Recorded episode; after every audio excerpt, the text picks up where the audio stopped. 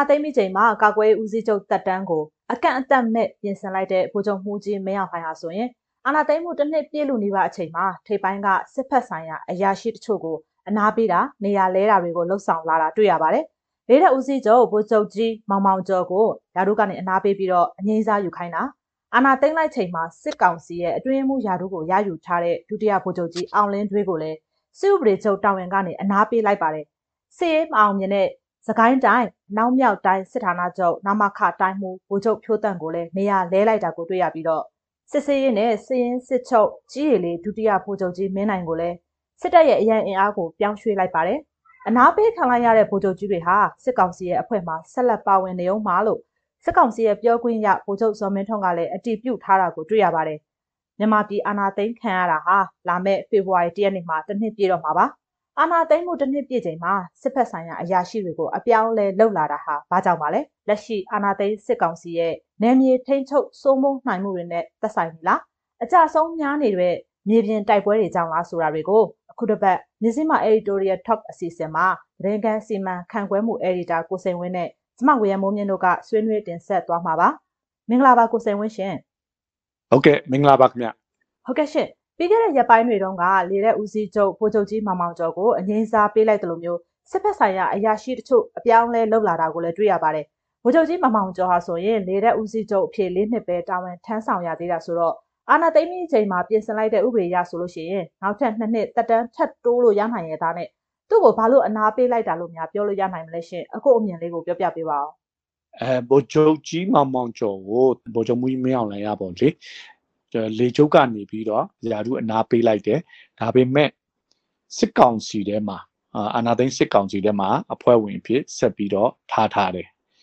အဲ့ဒါဘာကြောင့်လဲဆိုတဲ့ဟာကတော့ဟိုယူဆချက်တွေအမျိုးမျိုးရှိတယ်နံပါတ်1ချက်ကတော့ကျွန်တော်တို့ကဒီလိုပြန်ကြည့်လို့ရမယ်ဒေတာဦးစီးချုပ်ဖြစ်တာနဲ့ဒီစစ်ကောင်စီအဖွဲ့ဝင်ဖြစ်တာဘာတွေကွာလဲပြောရရင်တော့ဒေတာဦးစီးချုပ်ဆိုတာအာကိုဌာနကိုလက်ကိုချေဖြစ်တဲ့အတွက်ဂွင်ကောင်းတယ်ပေါ့ဗျာ လေဒါနဲ့ပတ်သက်တဲ့ဟိုဝယ်ချမ်းတာတွေအကုန်လုံးဒါတွေကအာသူ့ရဲ့လုတ်ပိုင်ခွင့်ထဲမှာရှိတယ်စစ်ကောင်စီမှာကြတော့အာဏာမရှိဘူးလားဆိုတော့ရှိတယ်သို့တော့တစ်ဖက်မှာရပ်ခွင့်ရလန်းနေရကြတော့လေကျုပ်လိုမျိုးတော့မဟုတ်ဘူးလို့ကျွန်တော်တို့ဟိုပြောလို့ရတယ်ဗိုလ်ချုပ်မူကြီးမင်းအောင်လှိုင်ကနေပြီးတော့ဗိုလ်ချုပ်ကြီးမောင်မောင်ကျော်ကိုဆက်ပြီးတော့သဘောကျတယ်ဆက်ပြီးထားခြင်းနဲ့ဆိုရင်တက်တန်းတိုးလို့ရတယ် အာနာသိန်းစစ်အုပ်စုလက်ထက်မှာပြုပြင်ပြောင်းလဲလိုက်တဲ့အဲကာကွယ်ရေးကောင်စီကာကနကောင်စီရဲ့ဥပဒေအရပေါ့၄နှစ်ပြည့်ပြီမဲ့ဗိုလ်ချုပ်ကြီးရာထူးမှာ၄နှစ်ပြည့်ရင်နောက်ထပ်2နှစ်ကိုအထီကိုထပ်တိုးသွားလို့ရတယ်တစ်နှစ်ချင်းတိုးတိုးဟိုနော်ဟိုပေါ့ထပ်တိုးသွားလို့ရတယ်အခုကျင်းနေတဲ့ဒီသူ့ကိုဒီနေရာမှာမထားကျင်တော့ဘူးမထားကျင်တော့ဘူးဆိုတာသူနဲ့ပတ်သက်ပြီးတော့ဘာတွေရှိနေလဲပထမပိုင်းမှာလေချောင်းတိုက်ခိုက်မှုတွေလုပ်တဲ့ဟာမှာ နေပြနေရပြမှတ်လွဲတာတို့ဘာတို့ဒါတွေရှိတယ်ဒါပေမဲ့လည်းအဲ့လိုရှိတိုင်းလည်းကအကြည့်တော့ပြောလို့မရဘူးเนาะမအောင်မြင်တာလို့ဟိုပြောလို့မရဘူးနောက်ဗိုလ်ချုပ်ကြီးမောင်မောင်ကျော်ကိုသူကပဲဆွဲတင်လာခဲ့တာဒီမြန်မာဆိုရှယ်လစ်လမ်းစဉ်ပါတီမာဆလာလက်ထက်မှာကာကွယ်ရေးဦးစီးချုပ်လည်းဖြစ်တယ်အဲပြီးရင်ကာကွယ်ရေးဝန်ကြီးလည်းဖြစ်ခဲ့တဲ့ဗိုလ်ချုပ်ကျော်ထင်ရဲ့ပါအငယ်ဆုံးအဲ့တော့တပ်မှာသူတို့ဟိုလေးစားခဲ့ကြတဲ့လူအဲ့ဒါလိုကနေပြီးတော့ သူ့ရဲ့ drive ရေးတိုင်းတာတစ်ခုတည်းရှိတဲ့အတွက်အဲမင်းအောင်လန်းနေပြီးတော့ဆွဲတင်လာခဲ့တာဒါပေမဲ့လည်းအခုဒီလိုမျိုးပြုတ်တယ်သူနဲ့မတိုင်ဒါနဲ့မတိုင်ခင်မှာ writer သတင်းဌာနနေပြီးတော့ဖော်ထုတ်တဲ့ဗိုလ်ချုပ်မောင်မောင်ကျော်ရဲ့အချင်းပြတ်ခြားစားမှုတွေဒါကလည်းပြောရလို့ရှိရင်သူတယောက်တည်းသူဟိုသားတွေတင်ပတ်သက်တာမဟုတ်ဘူးမင်းအောင်လှိုင်ရဲ့သားတွေပါပတ်သက်တဲ့ဟာအခုလေရုပ်အစ်စ်ဖြစ်လာတာပေါ့ဗိုလ်ချုပ်ကြီးမောင်မောင်ကျော်ရဲ့နေရာကိုဟိုရလာတာက ဗိုလ်ချုပ်ကြီးထွန်းအောင်ပေါ့သူကဒုတိယဗိုလ်ချုပ်ကြီးကနေပြီးတော့ယာရုပါတိုးပေးပြီးတော့ဟောပေးလိုက်တာဒုဗိုလ်ချုပ်ကြီးထွန်းအောင်ဗိုလ်ချုပ်ကြီးထွန်းအောင်ကမြန်မာပြည်ကရုရှားနေပြီးတော့ MIG 29 MiG 29နေတွားဝယ်တယ်မှာပထမဆုံးအချိန်ပါပြီးတော့လေ့ကျင့်ခဲ့ရတဲ့အတုပ်ထဲမှာပါတယ်မင်းအွန်လိုင်းအနေနဲ့ရုရှားနဲ့ပို့ပြီးတော့ပို့ပြီးတော့ဆက်ဆံရေးကောင်းခြင်းနဲ့ပို့ပြီးတော့ဆက်သွယ်ရေးကောင်းတဲ့နေရာမှာအာဟိုလေချုပ်ကိုဟိုပေးတယ်တထားခြင်းနဲ့ အဲ့ဒါလည်းပါနိုင်တယ်အခုစစ်တပ်ကသူကစစ်တပ်လုပ်ငန်းကြီးပဲမဟုတ်တော့ဘူးအစိုးရလုပ်ငန်းတွေပါပါလာတယ်အဲ့တော့စစ်ကောင်စီစစ်ကောင်စီဆိုတာပြောရရင်အစိုးရအလုပ်လုပ်ငန်းတွေလုပ်ရတာတစ်ဖက်မှာဟိုလေကျုပ်ရေကျုပ်ကြီးကျုပ်တို့ဘာတို့ကစစ်တပ်အလုပ်တွေပဲလုပ်ရတာအဲ့တော့မင်းအွန်လိုင်းအနေနဲ့သူ့ရဲ့စစ်ဗိုလ်ချုပ်ကြီးတွေကိုနေရာများများပို့ပြီးတော့ဖြန့်ချလိုက်တာလည်းဖြစ်တယ်လူများများကိုပို့ပြီးတော့ပါလာအောင်လုပ်ပေးလိုက်တာလည်းဖြစ်တယ် အာနာသိမ့်လိုက်တဲ့စစ်တပ်ကအမြဲတမ်းရင်ဆိုင်ရတာ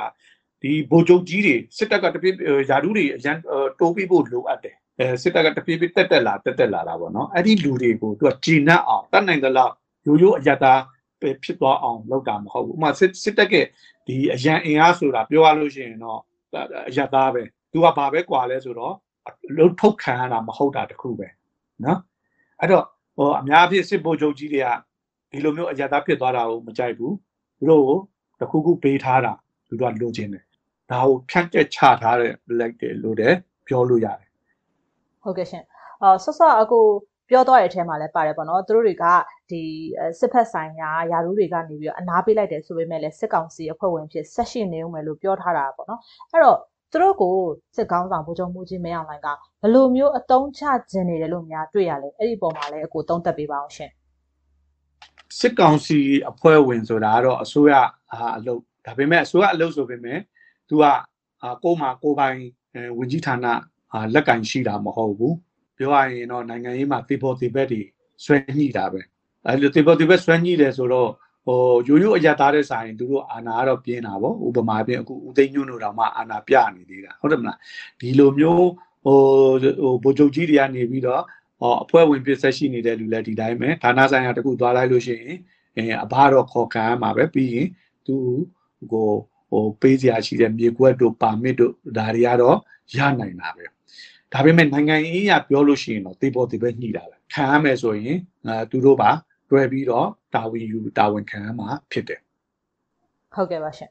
အခုလက်ရှိပေါ့နော်စစ်ကောင်စီအကြီးအကျယ်အထိနာနေတဲ့နေရာတစ်ခုဖြစ်တဲ့ဒီစကိုင်းတိုင်းကအနောက်မြောက်တိုင်းစစ်ဌာနချုပ်ရဲ့ တိုင်းမှုဗိုလ်ချုပ်ဖြိုးတန့်ကိုလည်းပေါ့နော်ဒီနေဆက်ရေးရဒုတိယဝန်ကြီးအဖြစ်တာဝန်ပေးလိုက်ပြီးတော့သူ့နေရာကိုကြတော့ကလေးမျိုးကအခြေစိုက်ပေါ့နော်အမှတ်30စစ်စင်ရေးကိုကဲမှုဌာနချုပ်ရဲ့တက်မှမှုဗိုလ်မှူးချုပ်တန်းထိုက်နဲ့အစားထိုးလဲလဲလိုက်ကြတယ်ပေါ့နော်ဒီလိုအပြောင်းလဲတွေကမြေပြင်တိုက်ပွဲနဲ့ဓာတ်ရိုက်ဆက်ဆက်နေရလားကိုအဲ့ဒီပုံမှာရောအကိုဘယ်လိုအမြင်ရှိလဲရှင်ဒီကိစ္စကတော့တီကြားကိစ္စဖြစ်တယ်အဲစကိုင်းမှာဗိုလ်မှူးချုပ်ဖြိုးဖြိုးတန်းအဲစီမံခန့်ခွဲမှုအားနည်းတယ် လို့စစ်ကောင်ရယူဆတယ်။ဘာဖြစ်လို့လဲဆိုတော့စကိုင်းမှာအာတက်တီတော်တော်ကြတယ်။အဲသူပြောရရင်တော့တူကြီးတော့တာဝန်ရှိတာတော့မဟုတ်ဘူး။တခြားဆိုစစ်တပ်ကအရေးသွေးရဟိုကကြလာဒါပေမဲ့ဘယ်လိုပဲဖြစ်ဖြစ်သူကဥဆောင်တဲ့လူကိုတာဝန်ခံခိုင်းပြီးတော့အဲ့ဒီသူ့နေရာအစားအာဟိုဘုံမှုချုပ်ဟိုတန်းထိုက်ပေါ့လေသူက သူကကလေးမှာအာအခြေစိုက်ထားတာကြာပြီဒီစစ်စင်ရေးကိုကဲမှုဌာနချုပ်ဟိုဟိုဌာနချုပ်ရဲ့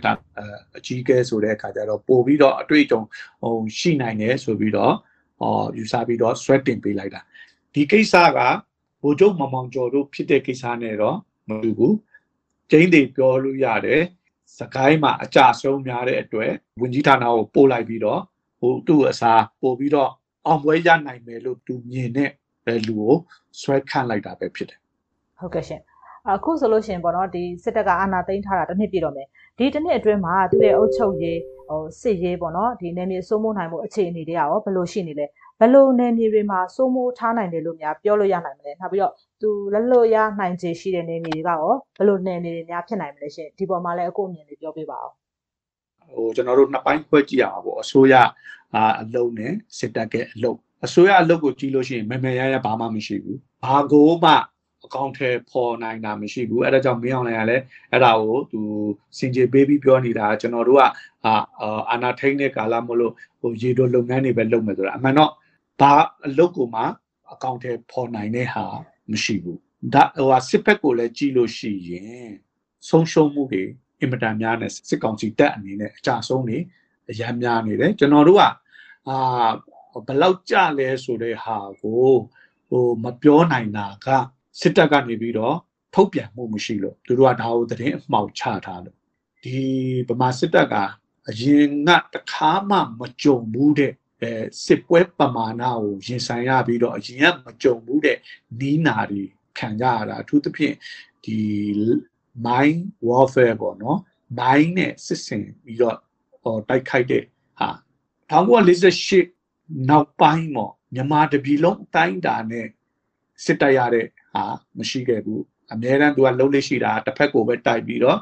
ဟောကျန်တဲ့ဘက်တွေကိုဟိုစစ်နာထားတာဟောနိုင်ငံရေးရဟိုပမာပြည်ငြိမ်းချမ်းရေးအတန်လွှင့်ဘာညာစသဖြင့်ပေါ့အဲ့ဒါမျိုးတွေအဲလုတ်ပြီးတော့စစ်နာပြီးတော့တစ်ဖက်ကိုပဲဖိတိုက်တာပါကပလက်ထက်ကျွန်တော်ကရင်ဘက်မှာ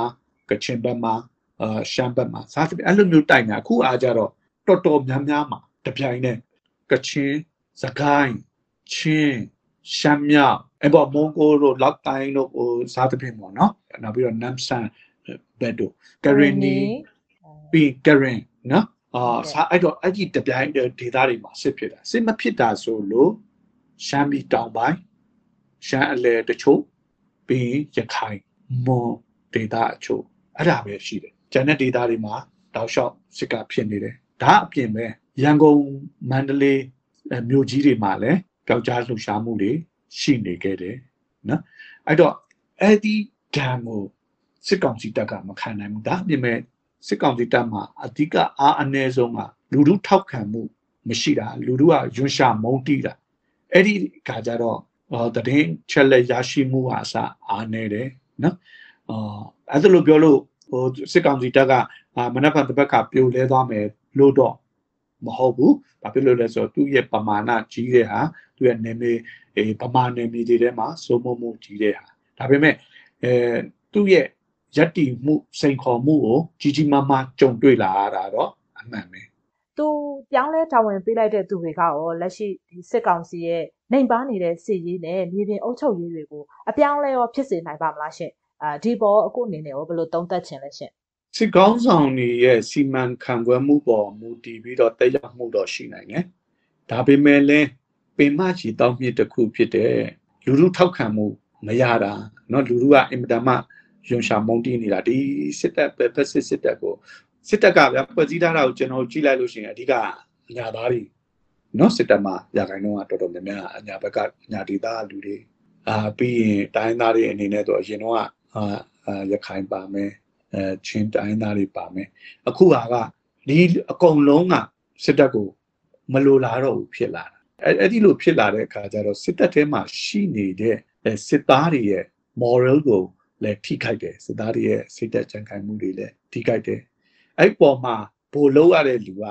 ပြဿနာရှိတယ်သူရင်ဆိုင်ရတာသူလောရတာအတင်းအတင်းအနောက်ကနေတနတ်ထောက်ပြီးတော့တိုက်ခိုင်းနေရတဲ့အနေအထားမျိုးတချို့ရှိဖြစ်လာတာပေါ့နော်ဟိုစစ်တိုက်တယ်ဆိုတာမှန်ပါတယ်တနတ်အဲဟိုကြီးစီတနတ်တွေနဲ့ပစ်တာဆိုပေမဲ့စိတ်သက်ရေးရအရာအရေးပါမှုရှိတယ်တစ်ချိန်တည်းမှာပဲ ဒီတော်လိုင်းတပ်ဖွဲ့တွေ EO တိုင်းရင်းသားအာတော်လိုင်းအဖွဲ့တွေအဲ PDF တွေဟာဂျပန်တော်လိုင်းကာလတုန်းကလိုပဲထောက်ခံမှုတွေရနေခဲ့တာလက်နဲ့အားဖြင့်တော့နိုင်ပါပေမဲ့စိတ်ဓာတ်အားဖြင့်ကတော့အင်မတန်မှမြင့်မားနေတဲ့ကာလဖြစ်တယ်အဲ့တော့အဲ့နှစ်ခုတွေ့ကြတဲ့အခါမှာကဘာမှာအာဘလောက်ပင်အင်အားကြီးကြီးနောက်ဆုံးကြဆုံးရတယ်ရှုံးပေးရတယ်တတ်တည်ဖြစ်တာတွေရှိတယ် ဥပမာအဖြစ်အဲဗီယက်နမ်စစ်ပွဲအာဖဂန်မှာတာလီဘန်တွေဆိုဗီယက်အဲဒီထွက်ပြေးရတာတွေစားသဖြင့်အဲ့ဒီဟာမျိုးတွေရှိခဲ့တယ်အဲ့ဒါတွေကိုကြည့်လို့ရှိရင်ဒေါ်လာရေးဘက်တွေကအားကောင်းတယ်ပိုအနိုင်ရလိရှိကြတယ်ဆိုတဲ့ဟာကိုလည်းတွေ့ကြမှာဖြစ်တယ်အဲ့တော့ तू ကဘယ်လောက်ပဲအဲခေါင်းဆောင်မှုတွေအစားထိုးလဲလဲလဲတိုင်းလည်းအောင်မြင်တာတော့မဟုတ်ဘူးဒေါ်လာရေးကပြတ်သုံးသွားတာတော့မဟုတ်ဘူးယောက်ျားဒေါ်လာရေးဆိုတာ လူထုထောက်ခံမှုနဲ့လာတာအင်အားနဲ့ခြေမုံလို့ရတဲ့အမျိုးမဟုတ်ဘူးမလား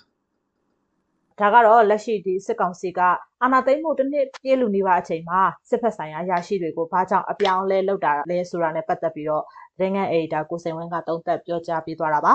အာဏာသိမ်းစစ်ကောင်ဆောင်ဗိုလ်ချုပ်မှုကြီးမင်းအောင်လှိုင်ဟာစစ်ဖက်ဆိုင်ရာရရှိတွေကိုအပြောင်းလဲလုပ်လိုက်ပြီမဲ့သူ့ရဲ့အုပ်ချုပ်ရေးနဲ့စီးရေးဟာအပြောင်းလဲဖြစ်လာမှာလားပြောင်းလဲတာဝန်ပေးလိုက်တဲ့စစ်ရရှိတွေကတော့လက်ရှိ မထိန်ချုပ်နိုင်သေးတဲ့မြေပြင်အခြေအနေတွေကိုကင်တွယ်ဖြည့်ရှင်းနိုင်မှာလားဒါတွေကတော့စောင့်ကြည့်အောင်မှာဖြစ်ပါတယ်ဒီတစ်ပတ်ရဲ့မြစီမအေဒူရဲ့ talk အစီအစဉ်ကတော့ဒီလောက်ပါပဲဒီအစီအစဉ်ကိုအပတ်စဉ်တင်ဆက်ပေးသွားမှာဖြစ်ပြီးတော့တနင်္လာနေ့တိုင်းမှာစောင့်မျှော်နားဆင်နိုင်ပါတယ်ရှင်